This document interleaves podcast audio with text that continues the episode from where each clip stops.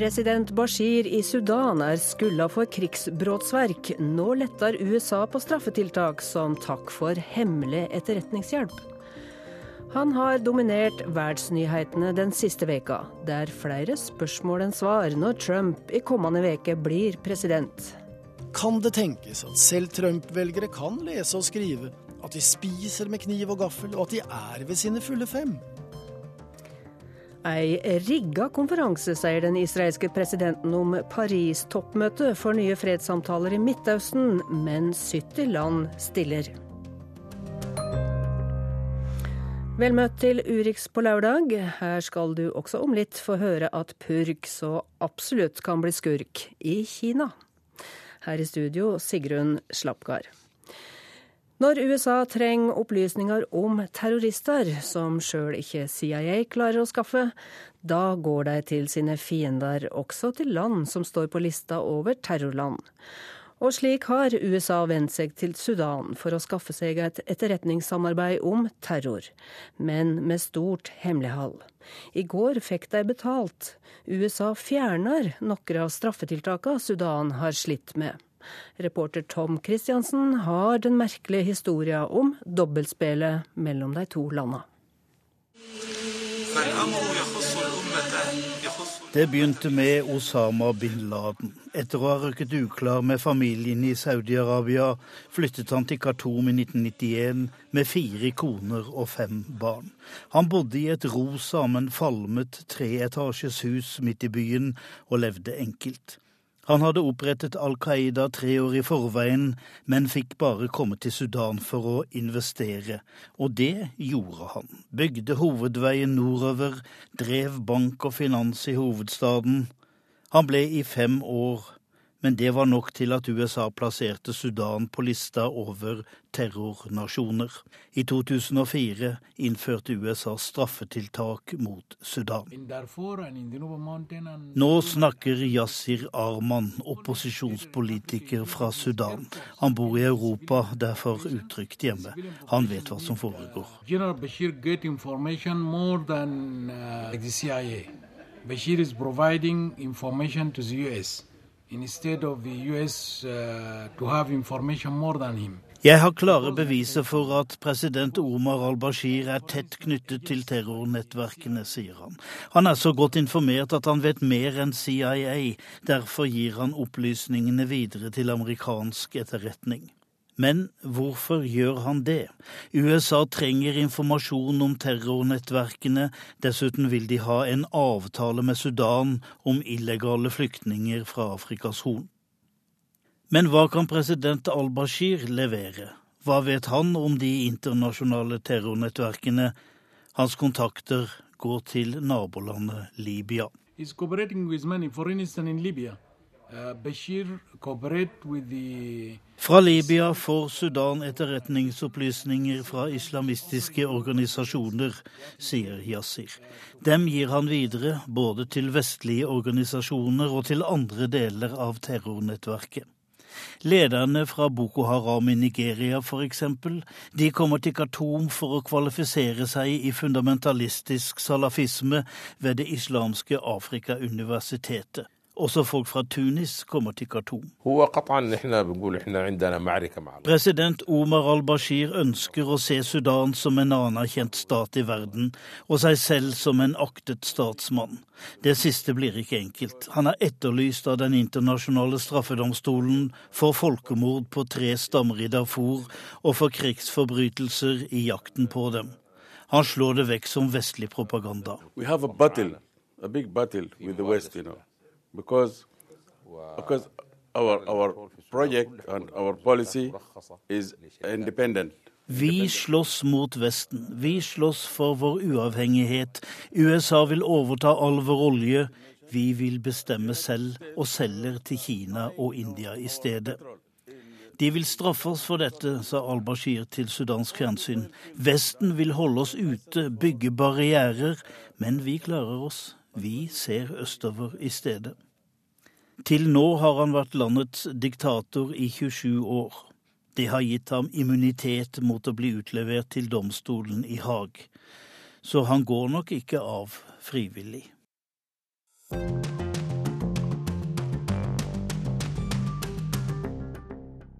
Vi skal over til det kommende USA, Om ei veke våkner han etter si første natt i Det hvite hus, Donald Trump. Men han har alt dominert verdensnyhetene denne veka. Spørsmåla uten svar er langt flere enn de bruker å være rett før et maktskifte i USA. Sjøl etter, eller kanskje ikke minst etter, hans første pressekonferanse på nesten seks måneder. Tove Bjørgaas har mer. Well, I knew that there was going to be a news conference, and it's my first day in New York, and I thought I'd walk by to see what the coverage was going to be because it's interesting the changes that are being made in America. Donna Contreras fra California er en av mange Trump-turister i New York denne spesielle onsdagen. På den andre siden av Fifth Avenue vokter tungt bevæpnet politi inngangen til Trump Tower. På vår side har kollegene deres et svare strev med å holde fortauet åpent for ferdsel. En skjønn forening av demonstranter, skuelystne og oss journalister som bare kan drømme om å komme inn i varmen, tar for stor plass. Ja, dette er en ny tid i USA, mener Donna, som sterkt vurderte å stemme på Donald Trump, men endte med å la være. I would ask him uh, to be a kinder person in his comments. You're attacking us. Can you give us a question? Go Since ahead. you're no, Mr. President-elect. Go Mr. ahead. President-elect. Since you are attacking No, our news not you. organization, Not can you. you give us a chance? Your organization you is are attacking terrible. our. Donna Contreras oppfordring om en vennlig tone nådde visst ikke inn i salen der borte. Can you say She's asking categorically, a question. Mr. Don't be rude. President-elect, can you give us a question? Don't be You're rude. attacking us. Can you give us a question? Don't be rude. Can you No, I'm give not us a going to give you a question? question. I'm not going to give you a Can you sta- question. can you state You are categorically- fake news. Sir. Klippet der CNN blir nektet å stille et spørsmål, vil utvilsomt havne i videoarkivet. Det er ikke hverdagskost at en som straks er president i USA, kaller CNN en produsent av fabrikkerte nyheter. Men samme hva som eventuelt stemmer i rapporten om at Russland skal ha kompromitterende informasjon om Donald Trump. Kanskje var det ikke så smart av CNN å velge å publisere den nyheten kvelden før pressekonferansen. For på en måte gikk de i fella til mediegeniet Donald Trump, slik de så ofte gjorde i valgkampen. Da klarte Trump å skaffe seg timevis med gratis, avgjørende TV-tid, ikke minst på CNN. På onsdag satte han fokus på pressen, men ikke fordi noen av journalistene fikk stille spørsmål. Trump brukte i stedet pressekonferansen til å angripe mediene, fordi han visste at angrepene ville bli hovedsaken etterpå. I stedet for mer problematiske temaer. You know, the only one that cares about my tax returns are the reporters. Okay, You don't think the American public is concerned but, No, I don't think so. I, I won. Det er bare dere som er opptatt av at jeg må offentliggjøre selvangivelsene mine. Jeg trenger ikke gjøre det nå, for jeg har jo vunnet, sa han. 75% av spurte republikanere sa før valget at de mente Trump måtte si hva han har betalt i skatt. Men det er først viktig om fire år, når han skal gjenvelges. We're not likely to ever be friends, but I also know the Russian people. Mens pressekonferansen pågikk, fikk utenriksministerkandidat Rex Tillerson langt tøffere spørsmål i Senatet. You are still not prepared to say that Vladimir Putin and his military have violated the rules of war and have conducted war crimes in Aleppo. Now, those are very, very serious uh, charges to make. Ikke minst av republikanernes egen Trump-rival Marco Rubio. Tillerson svarte klokt og moderert om Russland og om Kina og Nord-Korea. Han beviste også at han har et ganske annet syn enn sin kommende sjef i klimapolitikken. Uh, came to the conclusion a few years ago that the risk of climate change does exist and that the consequences of it could be serious enough that action should be taken. Det er seks dager igjen. Og hva er det første president Trump vil gjøre? Denne uka fikk vi noen pekepinner. Helsereformen er republikanerne allerede i gang med å avvikle. Muren mot Mexico har Trump allerede bedt Kongressen finne penger til. Are you hoping to get a glimpse of, of Donald Trump? It's probably not going to happen, but we- yes. Utenfor Trump Tower er ingen av disse sakene viktige for Trump-velger Ken. He'll be a jobs president, get, encourage businesses to flourish and give people jobs. Han skal skape arbeidsplasser og få bedrifter til å blomstre igjen, forklarer turisten fra Florida. I don't pay any attention to it. It- it's- Ken bryr seg slett ikke om etterretningsrapporter og den slags. Nå gleder han seg bare til mannen han stemte på, skal flytte ut av den glinsende skyskraperen på den andre siden av gata og inn i Det hvite hus. Nabolandet Mexico venter med særskilt spenning på at Trump skal bli ny president. Eh, Trump har jo som kjent, eh, som vi hørte her også, eh, sagt at han vil bygge en mur mot nabolandet og innføre straffetoll på amerikanske selskap som flytter arbeidsplasser til Mexico. Og samtidig har nå Mexico de siste ukene opplevd kraftige protester mot økt bensinpris, ei drastisk endring for folk flest.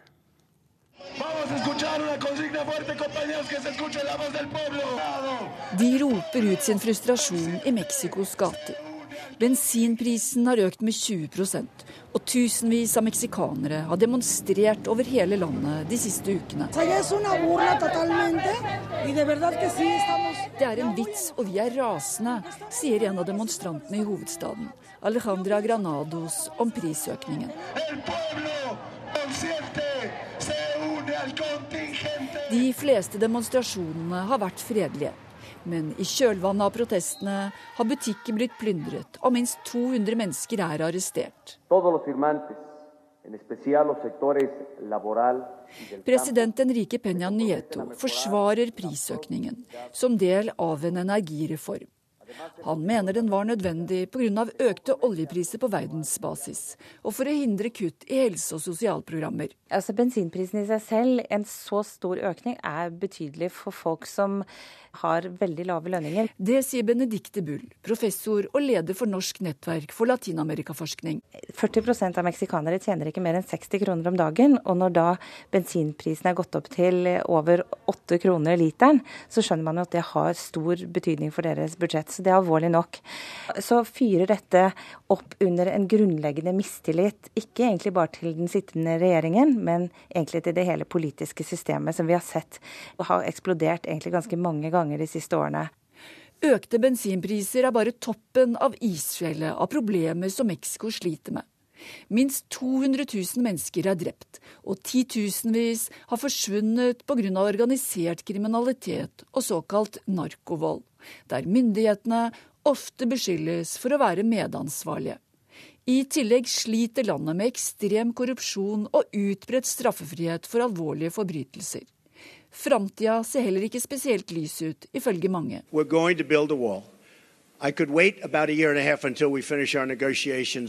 Mexico. Donald Trump gjentok på pressekonferansen denne uka at Mexico må betale for muren han vil bygge, som skal hindre migranter fra å ta seg inn i USA. Es evidente Det er opplagt at vi har en del uoverensstemmelse med USAs neste regjering, sa Mexicos president som en kommentar til nabolandets nye president. Og avviste blankt at han vil betale noe som helst for Trumps mur. como el tema de un muro que México, por supuesto, no pagará. Han ba i stedet USA om å stoppe den illegale våpen- og pengestrømmen til organiserte kriminelle nettverk og narkokarteller i Mexico. Samtidig sa den meksikanske presidenten at han vil prøve å få et godt forhold til Trump-administrasjonen. Es que vamos a trabajar para tener una buena relación con los Estados Unidos y su presidente. Den meksikanske pesoen har falt som en stein den siste tida. Usikkerheten er stor. Ingen vet hva Trump faktisk vil gjøre når han blir president. Men Trump har truet med straffetoll for amerikanske selskaper som flytter arbeidsplasser til nabolandet. Det har allerede fått konsekvenser. Bilprodusenten Ford er et av selskapene som har droppet planer om å flytte deler av produksjonen til Mexico.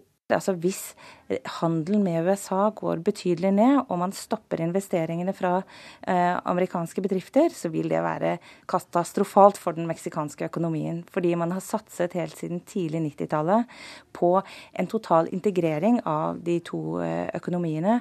Og, og Mexico har 80% av sin utenrikshandel med USA. Eh, og de har et stort handelsoverskudd med USA. Eh, vi ser allerede kapitalflukt fra Mexico, som ikke vi har sett siden 1990-tallet. Eh, så problemene hoper seg opp egentlig i alle retninger. Og det sa Benedicte Bull til vår reporter Inge-Marit Kolstad-Bråten. Mange mener altså mye om Donald Trump for tida.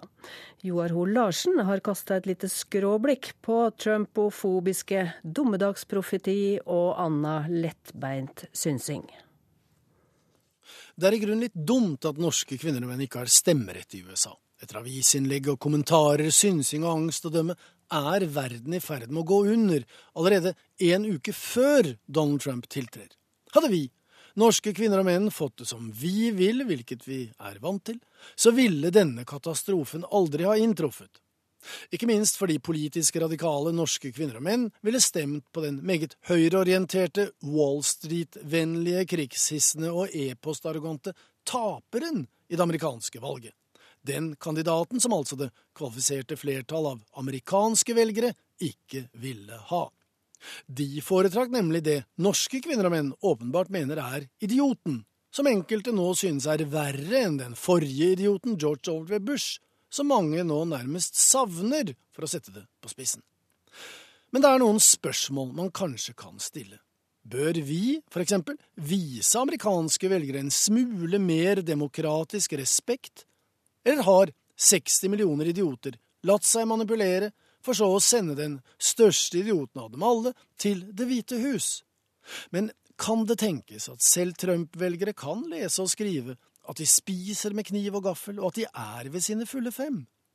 Dernest, til alle norske kvinner og menn som gjennom årene har vært kritiske, kanskje direkte negative til amerikansk politikk og kultur i alminnelighet, og amerikansk utenrikspolitikk i særdeleshet.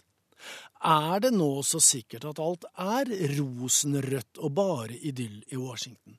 Eller kan det hende at det er på tide med litt fornyelse, noen nye tanker, en annen tilnærming og noen nye koster?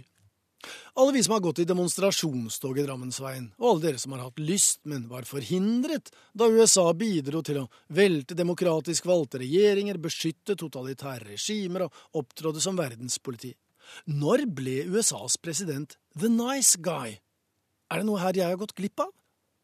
Selv Washington Post skriver om fredsprisvinner Barack Obama at hans bruk av droner er en skamplett på hans rulleblad og ettermæle. Juridisk og moralsk, politisk og humanitært. Droner skiller ikke mellom terrorister og sivilister. Alle blir drept. Det inkluderer kvinner og barn i Jemen og Somalia, Pakistan og Afghanistan. Spør deres lemlestede etterlatte der.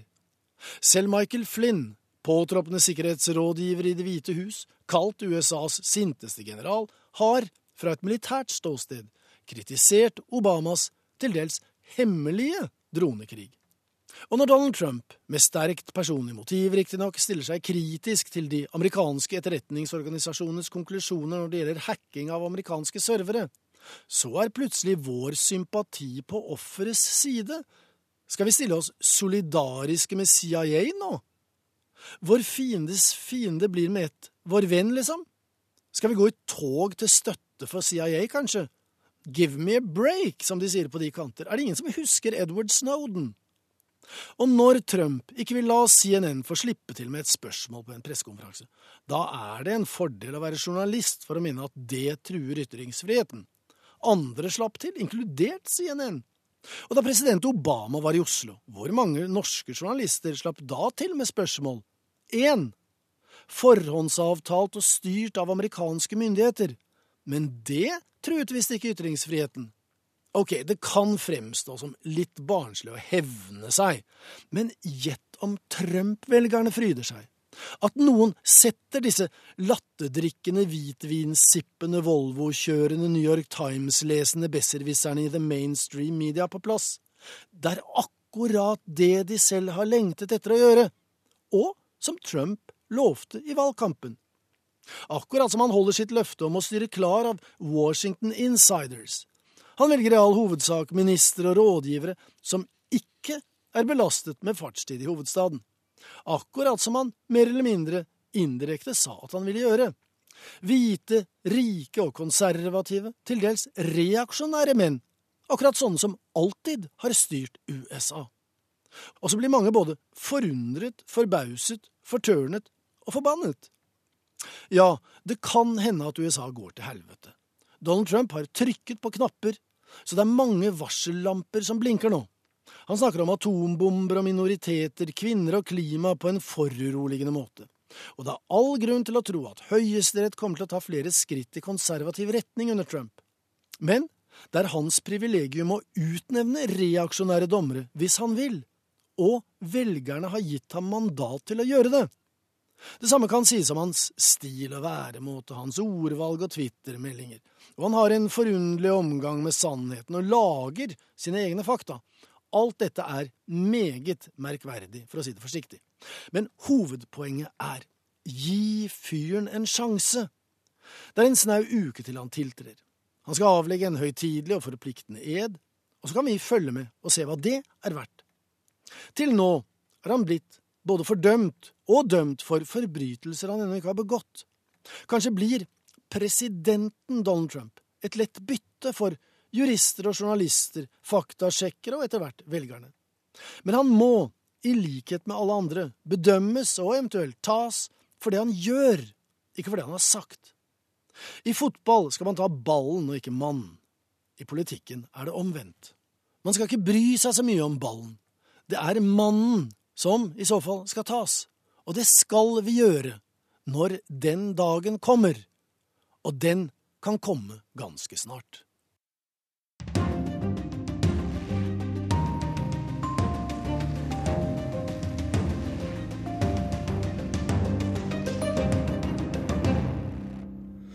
Utsendinger fra over 70 land møtes i Paris i morgen til et toppmøte om fred i Midtøsten. Og somme spør seg hvorfor, for ingen fredsprosess er på gang, og verken Israel eller Palestina skal delta på møtet.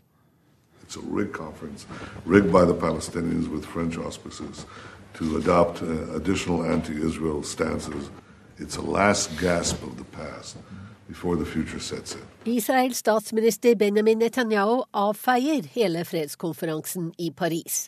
Formålet er å vedta enda flere anti-israelske formuleringer. Den skyver freden tilbake. Dette er fortidens siste gisp, før fremtiden setter inn. Utenriksminister Børge Brende på besøk i Jerusalem får ingen takk for det, når han forsikrer at Norge skal sørge for et nyansert resultat i Paris. So um, we will be there, but we will uh, make sure that there is a nuanced um, uh, outcome. Fortidens siste gisp før fremtiden setter inn, sa Netanyahu. Det er ikke så vanskelig å tolke hva han mener med det. Om seks dager overtar Donald Trump som USAs president. Han er langt mer Israel-vennlig enn Barack Obama, som har et svært anstrengt forhold til Benjamin Netanyahu, og som også i sine siste dager i Det hvite hus mener at Israels bosettingspolitikk gjør det så å si umulig å se for seg en sammenhengende palestinsk stat. Case, Israel an occupation continues indefinitely. Toppmøtet i Paris gir et lite streif av håp om at det internasjonale samfunnet vil gjøre noe for å redde tostatsløsningen, sier palestinernes Hanan Ashrawi.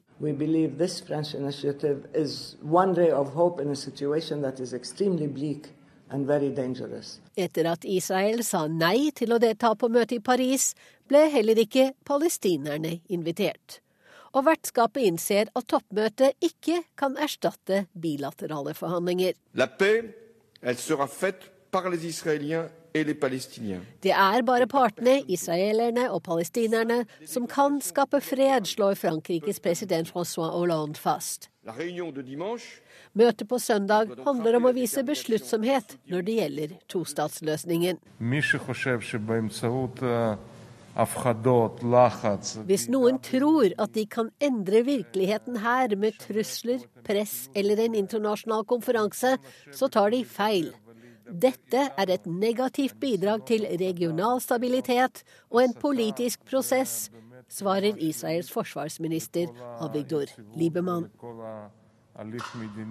Og det var Wenche Eriksen som rapporterte her. Eh, Philip Lote, vår eh, europakorrespondent, du er i Paris og skal dekke møtet. Eh, hva er grunnen til at Frankrike insisterer på å gå i spissen for nok et toppmøte om denne fastlåste situasjonen mellom Israel og Palestina? Det president Hollande ønsker, er jo å bruke det som er igjen av hans presidentperiode på å skape en ny ramme for en fremtidig tostatsløsning. Og Han fikk også med seg da den utgående utenriksministeren Kerry på dette. og Begge disse to prøver jo nå å jobbe for at eh, deres syn på en løsning i Midtøsten skal få en forlenget levetid og ha en sjanse. Så veldig mye av dette møtet handler om eh, dette. Israel har sagt, eh, som vi hørte, helt blankt nei nei til å delta, fordi at de mener at møtet kommer i veien for direkte samtaler med palestinerne, som de mener er eh, den riktige veien. De ønsker ikke ikke eh, å ha det internasjonale samfunn hengende over seg når de skal snakke med eh, palestinerne. Mens palestinerne ønsker å ha det internasjonale eh, samfunnet med seg. Det andre er jo at Israel er på mange måter delt. Det er fremdeles tilhengere av tostatsløsningen og Oslo-prosessene, men alle som har vokst opp og blitt politisk voksne etter dette, tror ikke dette er mulig. Så på mange måter så er det et veldig intenst forsøk på å gjenopplive eh, tostatsmodellen. Men hva kan en da oppnå, når eh, ingen av hovedpersonene, for å si det slik, eh, Israel, verken Israel eller palestinerne, er jo med direkte i, i møtet? Ja, de jobber etter tre spor. De skal forsøke å legge grunnlag for at det sivile samfunn, frivillige organisasjoner og eh, at man kan få et menneske-til-menneske-kontakt mellom israelere og palestinere. Dette er det Sverige som har tatt lederskapet for. Eh, også I tillegg så har man da statskapasitetsbygning eh, for palestinernes side. Dette er noe man har holdt på med i mange mange år. Eh, og også finansiering hvor Norge er inne. Men Norge har vært litt forsiktige med å eh, knytte sin rolle inn. De leder eh, bistandsgruppen for for eh, de palestinske områdene. Men det er en mekanisme som fungerer. Så de, Norge har vært litt nølende til å bringe den eh, funksjonen, den gruppen, inn i disse forhandlingene. Mm. Vi vil høre, med, høre, mer fra deg, Philip, eh, når du følger møtet som starter i morgen. Og vi har også med Kristin Solberg, vår Midtøsten-korrespondent fra Jerusalem. Ehm, vi hørte jo at Netanyahu her sa ei levning fra fortida, eh, boikotte møtet og eh, oppfatte hele møtet som et press. Eh, vil du si at han er i samsvar med det israelske folket her? Han har støtte fra en, en, del israelere som er skeptiske til uh, dette møtet, som ikke tror at en løsning kan komme utenfra, og som opplever at uh, palestinske angrep den siste tiden og oppfordringer til vold, ikke minst fra Hamas, ikke blir tatt uh, tilstrekkelig på alvor fra verdenssamfunnet. Men som, som, tror at det vil bli annerledes etter at Trump blir innsatt på fredag, som også er det Netanyahu antyder når han sier at dette er en krampetrekning fra fortiden før fremtiden gjør seg gjeldende.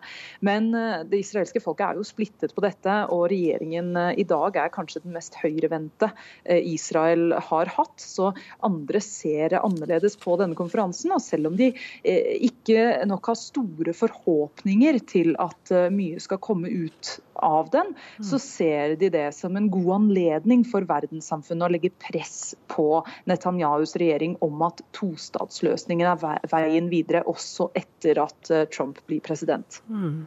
Og Reaksjonene da fra palestinsk side, handler det om at de ønsker velkomment dette presset? Er det forventning til Paris-møtet? Altså, konferansen får støtte fra palestinernes president Mahmoud Abbas, selv om han ikke deltar. og For de palestinske selvstyremyndighetene så handler jo dette om å få så mye uttalt internasjonal støtte til en egen palestinsk stat som, eh, som mulig. Noe som jo er spesielt viktig i en tid eh, før Trump blir innsatt som president. Eh, han har jo signalisert en, en ganske annen Israel-politikk enn sin forgjenger, og det er urovekkende for, for det palestinske lederskapet. Men blant det palestinske folket så er nok forventningene lavere. Jeg snakket bl.a. med en palestinsk mann i dag som sa at eh, dette, denne konferansen er helt uh, håpløs, og lurte på hva som egentlig kunne komme ut av noe slikt når Israel ikke er med. Mm. Ja, for det er jo ganske tøffe fakta på bakken med mye utbygging. Hva slags sjanse kan en tostatsløsning nå egentlig ha? Ja, på bakken så er jo dette målet nokså fjernt nå, og kanskje fjernere enn det det har vært på, på, en generasjon. Det har ikke vært samtaler mellom uh, israelere og palestinere siden uh, eh, 2014. Vi er også medlemmer av uh, israelsk regjering som avviser tostatsløsning.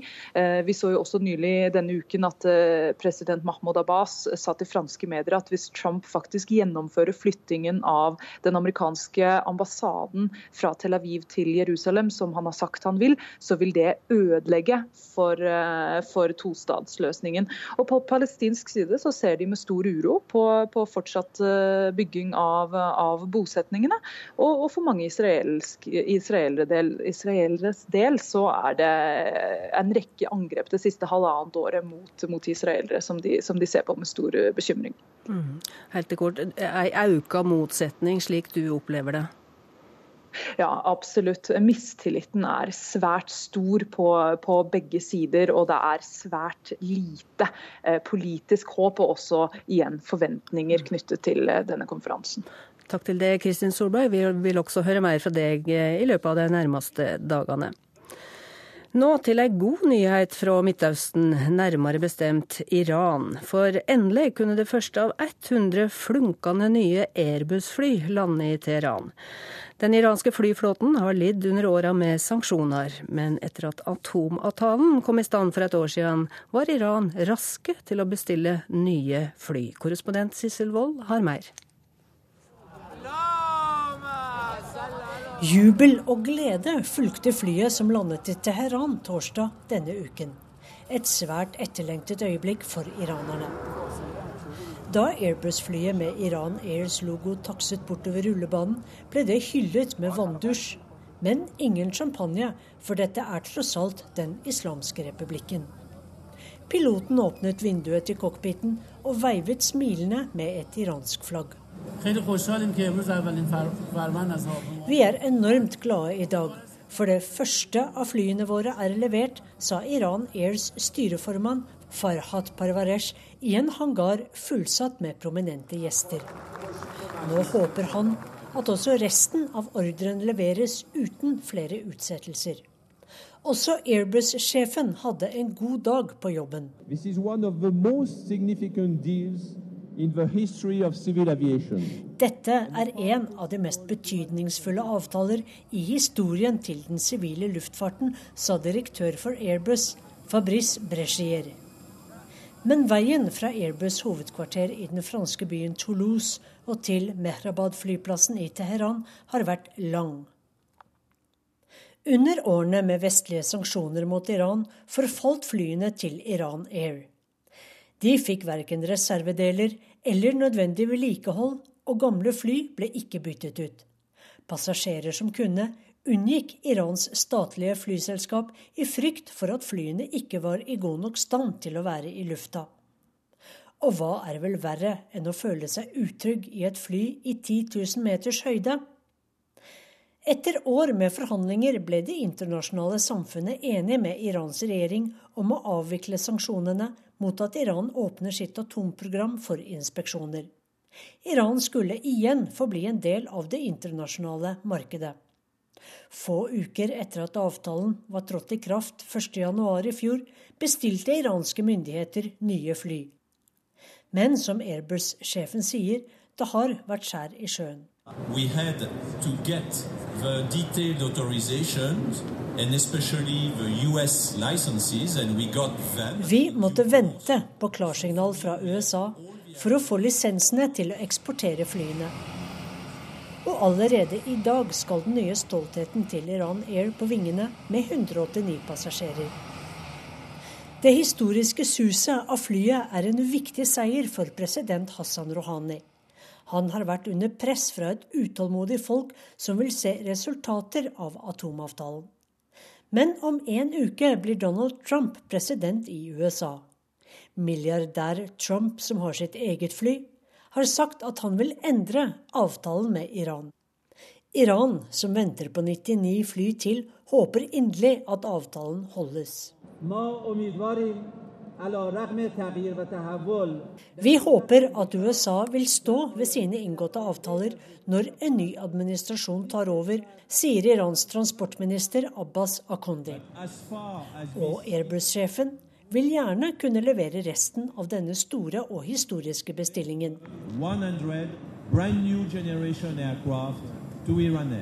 Ett fly er levert. Nå venter iranske flypassasjerer spent på de neste 99 flyene. Purk eller skurk? Det har også vært det store samtaletemaet den siste veka i Kina. Korrupsjonsjegere har sjøl putta penger i lomma, og kommunistpartiets antikorrupsjonskampanje har blitt til tåredryppende underholdning på TV etter fem år med tøff kampanje. 一两千三百多万，我听得太害怕了，我太震惊了。 123 millioner yuan. Da jeg hørte summen bli lest opp i retten, følte jeg bare avsky. Jeg ble redd. Jeg tenkte dette måtte være en drøm. Jeg kan da ikke ha bedt om så mye penger, forteller Jin Diaoming, som for ikke så lenge siden ledet kommunistpartiets såkalte disiplin- og inspeksjonsmyndighet i Shanxi-provinsen.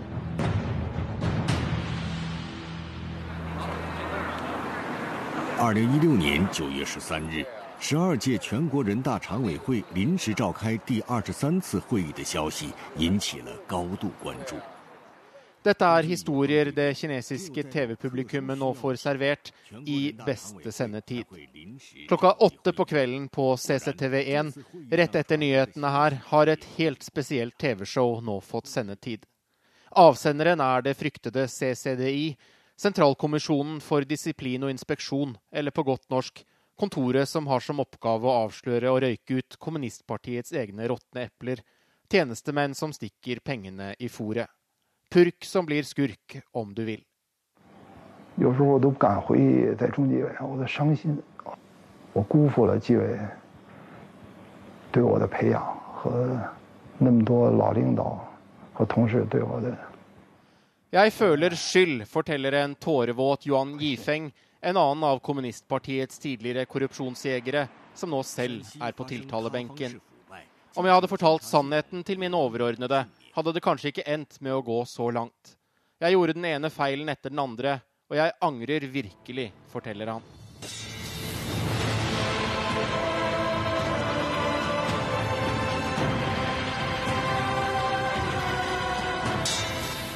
For å støpe jern må man selv være hard, er president Xis slagord for korrupsjonsjakten, og det har også blitt programmets tittel. Det åpner med scener av glødende jernstenger som støpes i flammene. I første episode er det Xi selv som etablerer spillereglene. 各级纪委也要解决好灯下黑的问题，自觉遵守党纪国法。 Disiplin- og inspeksjonskomiteer på alle nivåer må avdekke det som holdes skjult. Reglene for disiplin og lovene til partiet og staten må følges. Dere etterforsker andre mennesker, men hvem etterforsker dere, spør Kinas president Xi. Siden Xi Jinping kom til makten i 2012, har han prioritert en fryktet antikorrupsjonskampanje her i Kina. Kampanjen sies å ha påvirket verdens gullpriser, og har drevet enkelte kasinoer i Macao til konkursens rand, og forhandlere av luksusbiler og store bakettrestauranter her i Beijing har fått merke at de som har penger, nå er langt mer forsiktig med å vise dem frem. I løpet av disse årene har en ny gruppe korrupsjonsjegere vokst frem, men nå etter fem år er det altså på tide å jakte etter råtne epler, selv blant dem. Flere av de som tilstår på TV nå, har fått livslange fengselsstraffer, og noen er faktisk også dømt til døden. De hadde neppe noe annet valg enn å la seg filme når Sentralkommisjonen for disiplinærsaker bestemte seg for at deres skjebne egnet seg som oppbyggelig TV-underholdning.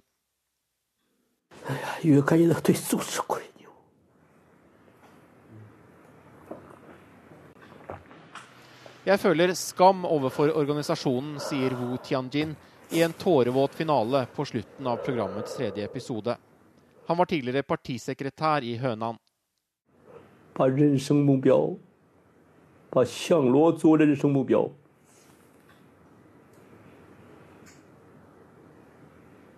改变了人生方向。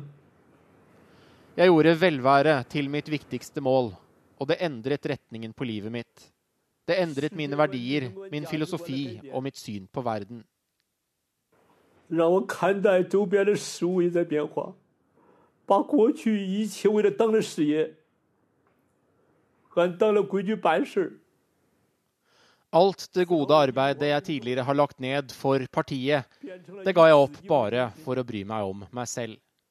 考虑对自己的前途，考虑对家庭孩子有利没利。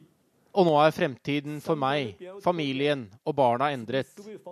Dette er årsaken til at jeg føler slik skam. 犯罪的一切的根源。 Så nådeløst er det når purk blir til skurk her i Kina. Peter Svaar, Beijing. Ja, og som vi hørte, angrende skurker der, og det var Peter Svaar, altså fra Kina.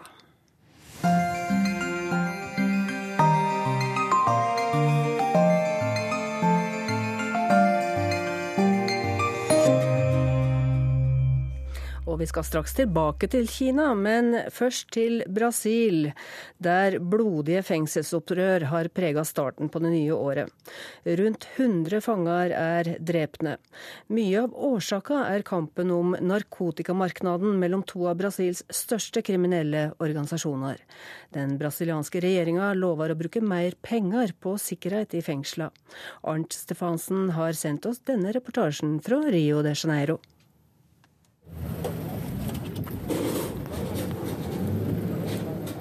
Et brasiliansk TV-team filmer en makaber hendelse foran et fengsel i Boa Vista, hovedstaden i delstaten Roraima helt nord i Brasil.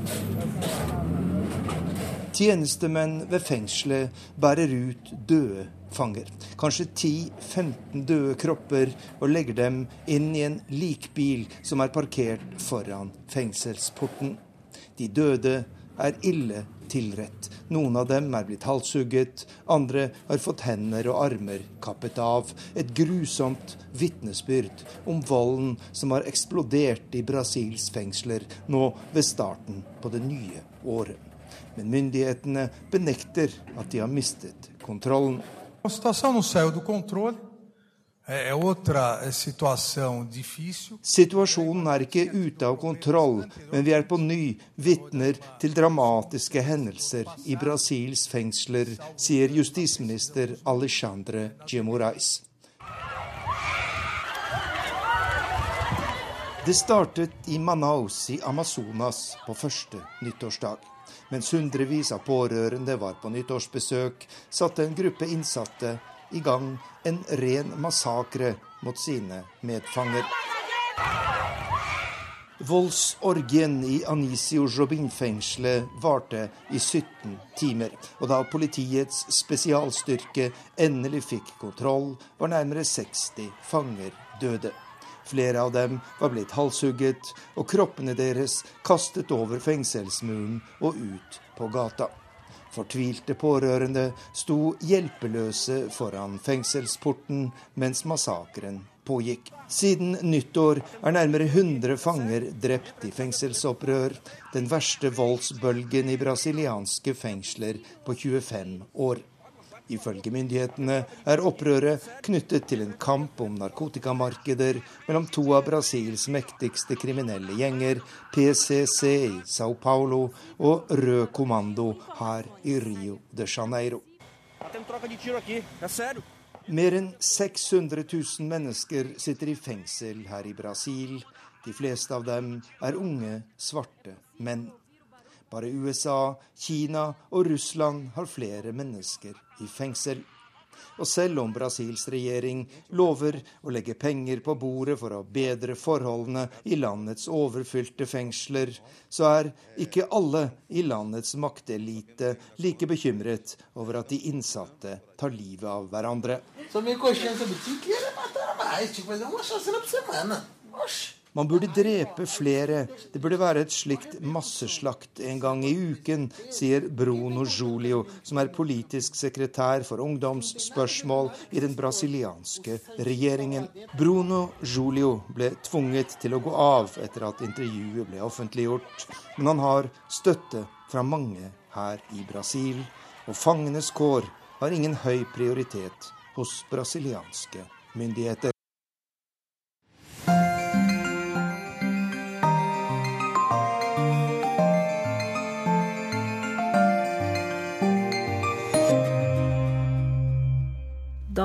Vi kommet til ukas korrespondentbrev, som er postlagt i Beijing.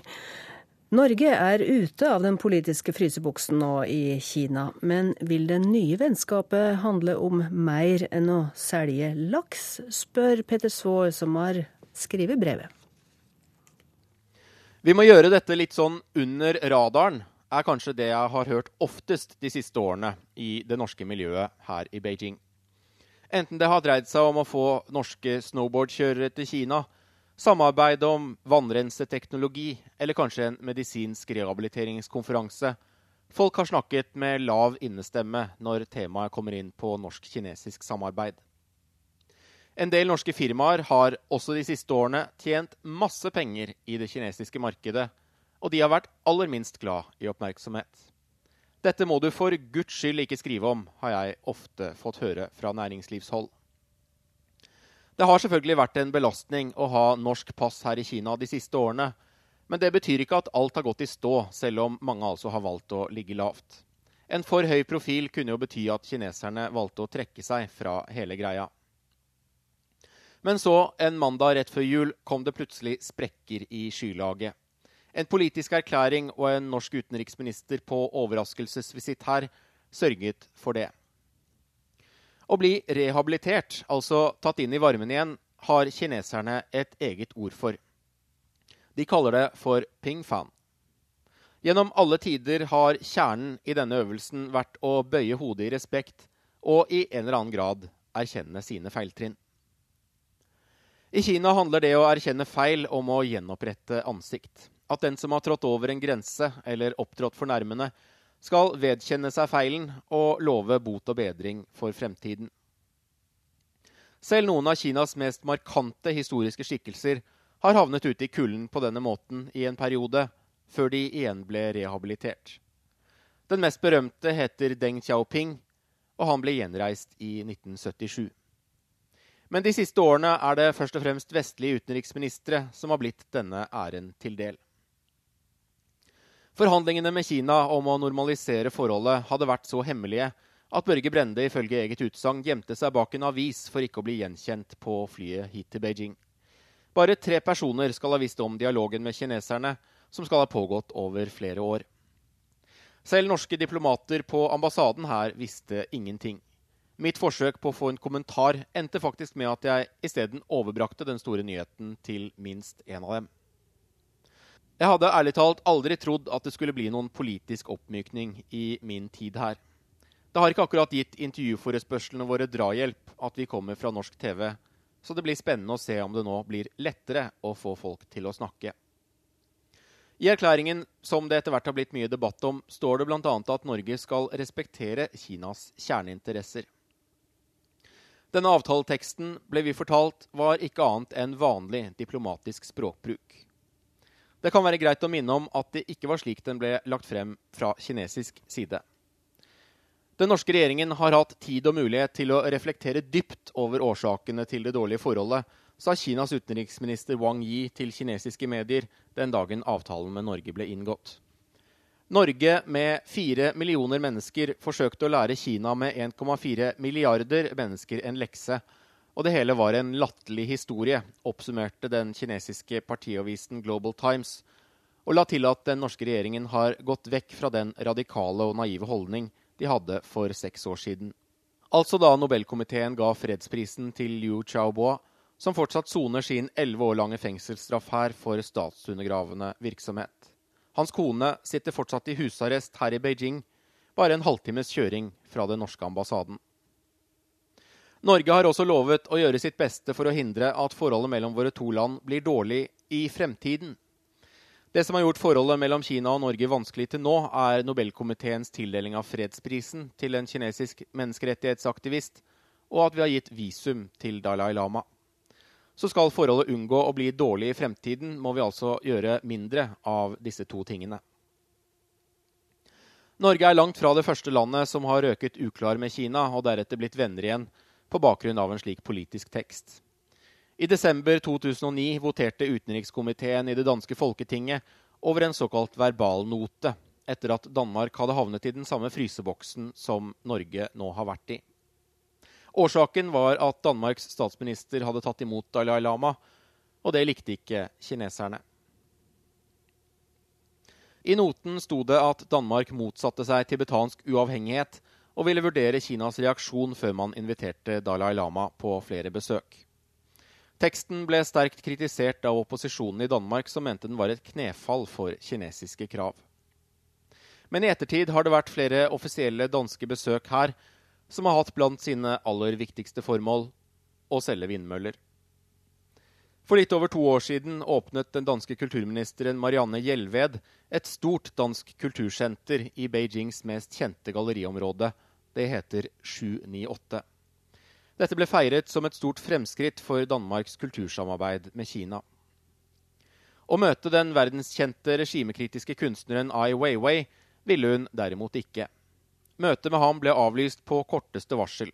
Det passet seg ikke fordi, som hun sa, samarbeidsrelasjonene i forbindelse med kultursatsingen i Kina er noe jeg setter riktig høyt og gjerne vil bygge videre på og utvikle. For et lite land som Norge vil det i tiden fremover komme mange slike valg. Mellom samarbeid og prinsippfasthet. Mellom å støtte sivilsamfunn og dissidenter og å bli invitert på den røde løperen. Spørsmålet norske politikere hver gang må stille seg, er hva er viktigst? Før nobelpristildelingen hadde Norge en såkalt menneskerettighetsdialog med Kina. Det er noe de fleste vestlige land har, og den skjer alltid bak lukkede dører og så langt vekk fra kameraer og mikrofoner som overhodet mulig. EU-landene har til og med flyttet denne jobben over til EU-delegasjonen her i Beijing, og der fungerer EUs diplomater som støtdemper, slik at hvert enkelt medlemsland slipper den politiske belastningen det er å terpe på menneskerettighetsspørsmål. Men de som har forsket på effektene av vestlige lands menneskerettighetsdialog med kineserne, konkluderer med at det har hatt liten til ingen effekt. Det kan ikke påvises noen endring i menneskerettssituasjonen i Kina fra slike årlige samtaler bak lukkede dører. Først og fremst er øvelsen egnet til å lette på vestlige regjeringers dårlige samvittighet, men kineserne har blitt eksperter på å lytte høflig til vestlige diplomater som ramser opp formaninger, før det hele havner i den store skuffen. Tidligere denne uken slapp organisasjonen Human Rights Watch sin årsrapport, og det er interessant lesing for de som er nysgjerrig på menneskerettighetssituasjonen her i Kina nå. Mens partiledelsen sier Kina er i ferd med å bli en rettsstat, har myndighetene her det siste halvannet året slått ned ikke på dissidenter, men på advokatene deres. I juli 2015 ble et helt advokatkontor raidet av myndighetene her og stemplet som en kriminell bande. I fjor høst ble flere av de arresterte stilt for retten. På rekke og rad tilsto de å ha organisert protester ulovlig og samarbeidet med utlendinger som var ute etter å sverte kommunistpartiet. Jeg vil oppfordre alle til å gni seg i øynene og se klart og tydelig de fiendtlige utenlandske kreftene som står bak, sa en av de tiltalte, Tsai Yan Min, fra tiltaleboksen. I likhet med de andre tiltalte var han holdt på hemmelig sted siden pågripelsen. Han hadde ikke selv fått velge sin forsvarer. De ble funnet skyldige etter en rettssak som varte i noen timer. I fjor forsvant også flere bokhandlere som utga kritiske bøker om kommunistpartiet fra både Hongkong og Thailand. Deretter dukket de på mystisk vis opp som angrende syndere på kveldsnyhetene her i Kina. En av dem, Gui Minhai, er svensk statsborger. I en gråtende TV-sendt tilståelse har han hevdet at han frivillig kom tilbake til Kina for å gjøre opp for sin rolle i en trafikkulykke som skjedde for snart 15 år siden. Hans familie sier derimot at tilståelsen hans er fabrikkert, at den faller på sin egen urimelighet og er fremtvunget under press. Svenske diplomater klager over at de i svært liten grad har fått lov til å engang treffe Gui, i tråd med internasjonale konvensjoner. Kinas økonomiske og militære vekst har vært ledsaget av både en ny og sterkere nasjonalisme her, og en langt større selvtillit. Det er få tegn til at det kinesiske lederskapet bryr seg nevneverdig om en spredt og spak menneskerettighetskritikk fra Vesten. Da Brende var her i Beijing før jul, ville han ikke si et eneste ord om hvordan han så på menneskerettighetssituasjonen her. Det er en hel del man kan si, og det vil komme flere sjanser til å gjøre det. Utover våren skal Erna Solberg på offisielt besøk her, og da vil norske flagg vaie på Tiananmen-plassen for første gang på mange år. Da blir det vi som må velge om vi vil bruke vårt nye vennskap til å klippe snorer, eller møte noen av de få kritiske røstene som fortsatt finnes her i Kina. Dette var Urix på lørdag. Hør oss gjerne på nett eller som podkast. Her i denne sendinga har vi bl.a. hørt om Paris-toppmøtet om Israel og Palestina, som du får vite mer om både på nett, i radio og i Søndagsrevyen i morgen. Vi som fikk sendinga på lufta, var Finn Lie, Ulf Tannes Fjell og her i studio Sigrun Slapgard.